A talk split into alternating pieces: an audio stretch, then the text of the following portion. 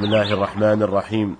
إن الحمد لله نحمده ونستعينه ونستغفره ونعوذ بالله من شرور أنفسنا ومن سيئات أعمالنا. من يهده الله فلا مضل له ومن يضلل فلا هادي له. وأشهد أن لا إله إلا الله وحده لا شريك له. وأشهد أن محمدا عبده ورسوله. صلى الله عليه وعلى آله وصحبه وسلم تسليما كثيرا. أيها الإخوة المستمعون السلام عليكم ورحمة الله وبركاته. تحدثنا في الحلقة السابقة عن أحوال المأموم مع الإمام، وذكرنا أن له أربع أحوال، إما متابعة أو مسابقة أو موافقة أو تخلف. وذكرنا أن السنة والمشروع للمأموم هو متابعة إمامه، وألا يتخلف عنه أو يسابقه أو يوافقه. ثم تحدثنا بعد ذلك عن المسابقة وعن أثرها في إبطال صلاة المأموم، وفصلنا الكلام في ذلك بينما إذا وقعت هذه المسابقة عن علم وعمد أو عن جهل. ونستكمل الحديث في هذه الحلقة عن التخلف وعن الموافقة. فنقول إن تخلف المأموم عن الإمام على نوعين، إما أن يكون تخلفا لعذر أو يكون لغير عذر. أما التخلف لعذر فإنه يأتي بما تخلف به ويتابع الإمام ولا حرج عليه حتى وإن كان ركنا كاملا أو ركنين. فلو أن شخصا سهى وغفل أو لم يسمع إمامه حتى سبقه الإمام بركن أو ركنين فإنه يأتي بما تخلف به ويتابع إمامه إلا أن يصل الإمام إلى المكان الذي هو فيه فإنه لا يأتي به ويبقى مع الإمام وتصح له ركعة واحدة من ركعتي إمامه. الركعة التي تخلف فيها والركعة التي وصل إليها الإمام وهو في مكانه. ونوضح هذا بالمثال. رجل يصلي مع الإمام في صلاة الجمعة ثم إن صوت المكبر انقطع فجأة فلم يسمع المأموم تكبير الإمام. فركع الإمام ورفع وسجد وجلس وسجد الثانية ثم رفع للركعة الثانية. ثم بعد ذلك سمعه المأموم وهو يقرأ هل أتاك حديث الغاشية. ومن عادة هذا الإمام أنه يقرأ هذه السورة في صلاة الجمعة في الركعة الثانية. فنقول يبقى هذا المأموم مع الإمام وتكون ركعة الإمام الثانية له تكون هي بقية الركعة الأولى. فإذا سلم الإمام يقضي الركعة الثانية. قال أهل العلم وبذلك يكون للمأموم ركعة ملفقة من ركعتي إمامه لأنه اتم بإمامه في الأولى وفي الثانية. أما إن علم بتخلفه عن الإمام قبل أن يصل الإمام إلى مكانه فإنه يقضي ويتابع إمامه. مثال ذلك رجل قائم مع الإمام فركع الإمام وهو لم يسمع الركوع فلما قال الإمام سمع الله لمن حمده سمع التسميع. فنقول له اركع وارفع وتابع إمامك وتكون مدركا للركعة لأن التخلف هنا لعذر. ومن ذلك ما يحصل في المسجد الحرام في أوقات المواسم حيث يحصل ازدحام شديد ولا يتمكن بعض الناس من الإتيان بالسجود إلا بعد رفع الإمام للركعة التالية.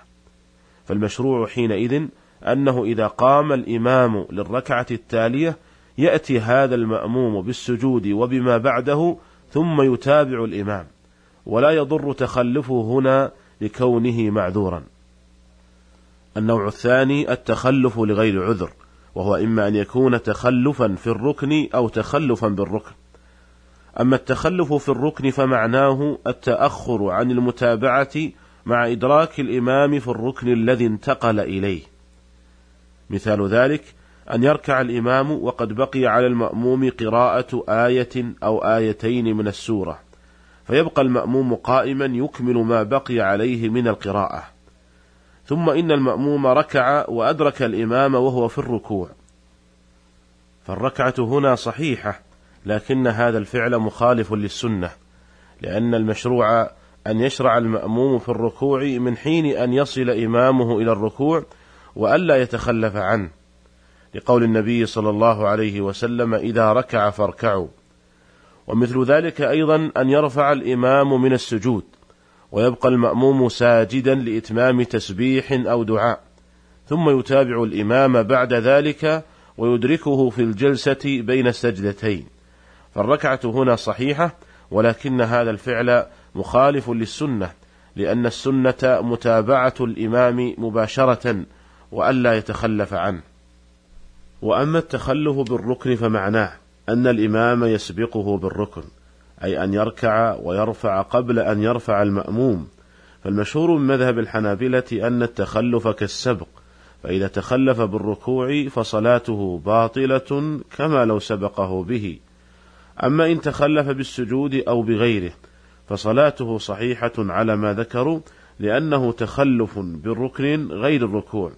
ولكن بناء على القول الراجح الذي رجحناه في الحلقة السابقة عند الحديث عن مسابقة المأموم للإمام يترجح كذلك في هذه المسألة والله تعالى أعلم أنه إذا تخلف المأموم عن الإمام بركن لغير عذر أن صلاته باطلة سواء كانت سواء كان الركن ركوعا أم غير ركوع.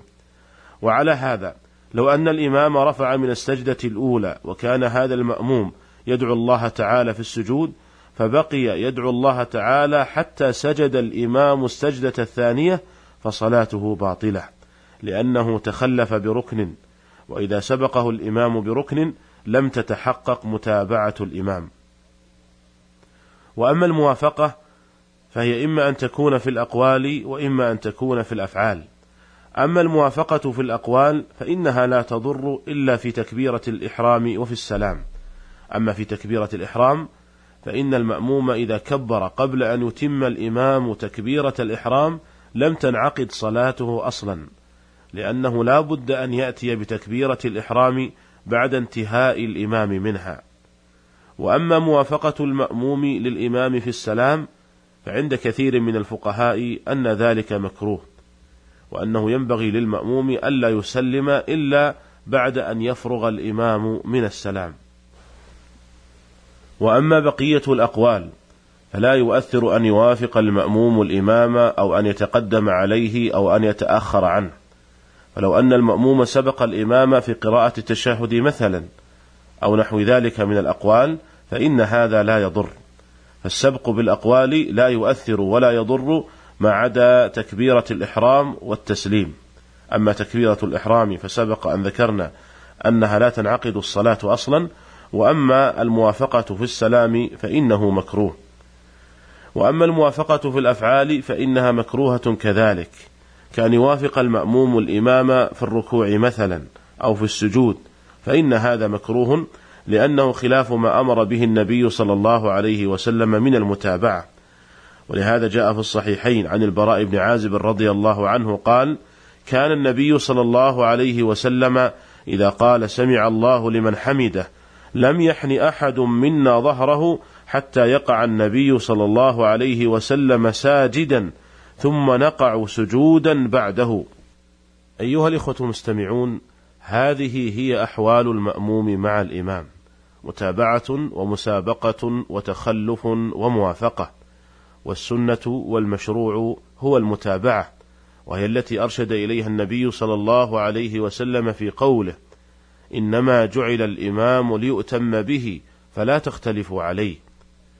وأما المسابقة والتخلف فإن من وقعت منه عن علم وعمد فإنها قد تؤثر على صحة صلاته وقد تبطل الصلاة.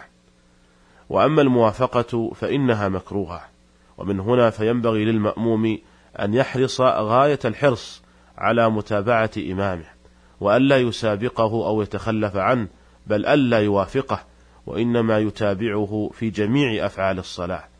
أسأل الله تعالى أن يرزقنا الفقه في الدين وأن يوفقنا لما يحب ويرضى من الأقوال والأعمال وإلى الملتقى في الحلقة القادمة إن شاء الله. والسلام عليكم ورحمة الله وبركاته.